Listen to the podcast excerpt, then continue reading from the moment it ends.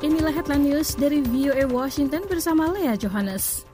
Sebuah panel yang ditunjuk Perdana Menteri Thailand untuk menyelidiki kasus tabrak lari pewaris bisnis minuman energi Red Bull mengungkapkan temuan yang sudah banyak diperkirakan sebelumnya pada sebuah konferensi pers Selasa. Vicha Mahakun, seorang mantan hakim agung yang mengetuai panel yang disebut Komisi Penyelidikan Faktual dan Hukum itu mengatakan ada konspirasi yang melibatkan beberapa pejabat pemerintah, sejumlah pengacara, dan seorang jaksa untuk melindungi Forayut Yuvidya dari gugatan hukum terkait insiden yang menelan korban jiwa itu. Laporan yang disampaikan panel itu mengatakan seorang wakil jaksa agung telah bertindak melanggar hukum karena dengan sengaja melindungi Forayut yang biasa disebut bos itu. Sementara itu, masih menurut laporan tersebut, komisaris polisi dinilai tidak memberikan bantuan yang memadai dalam penyelidikan itu. Setelah para ilmuwan menetapkan bahwa virus corona kemungkinan besar menular dari hewan ke manusia, muncul banyak pernyataan dari berbagai negara di Asia yang berjanji akan melarang perdagangan satwa.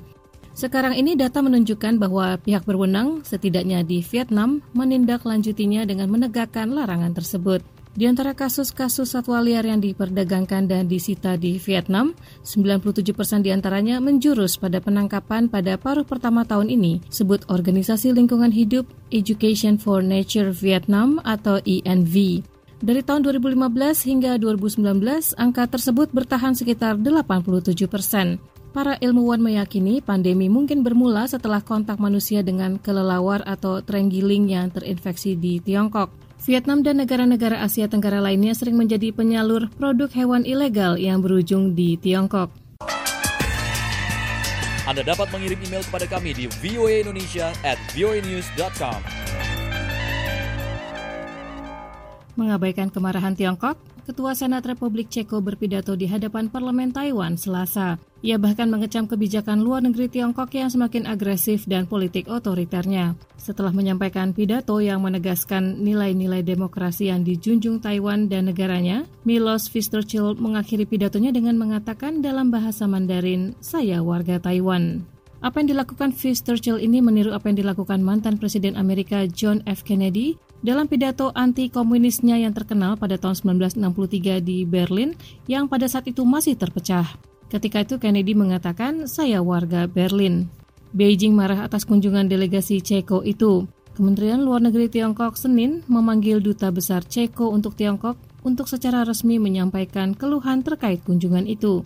Kementerian tersebut mengatakan kunjungan itu merupakan dukungan terbuka bagi kemerdekaan Taiwan.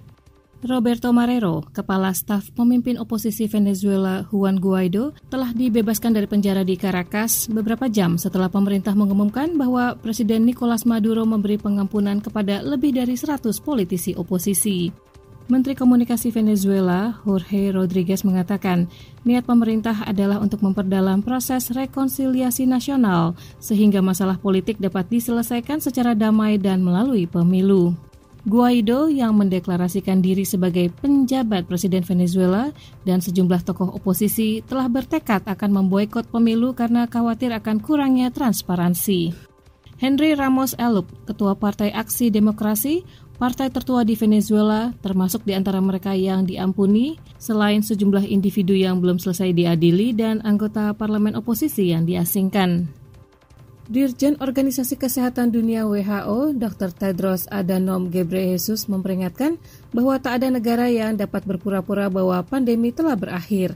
Berbicara kepada wartawan dalam pengarahan virtual dari markas besar WHO di Jenewa hari Senin, Tedros mengatakan negara-negara harus serius dalam menekan penularan dan menyelamatkan jiwa apabila mereka mempertimbangkan pembukaan kembali aktivitas ekonomi sehari-hari dalam menghadapi pandemi COVID-19. Semakin besar kontrol atas virus, semakin terbuka negara-negara itu, kata Tedros.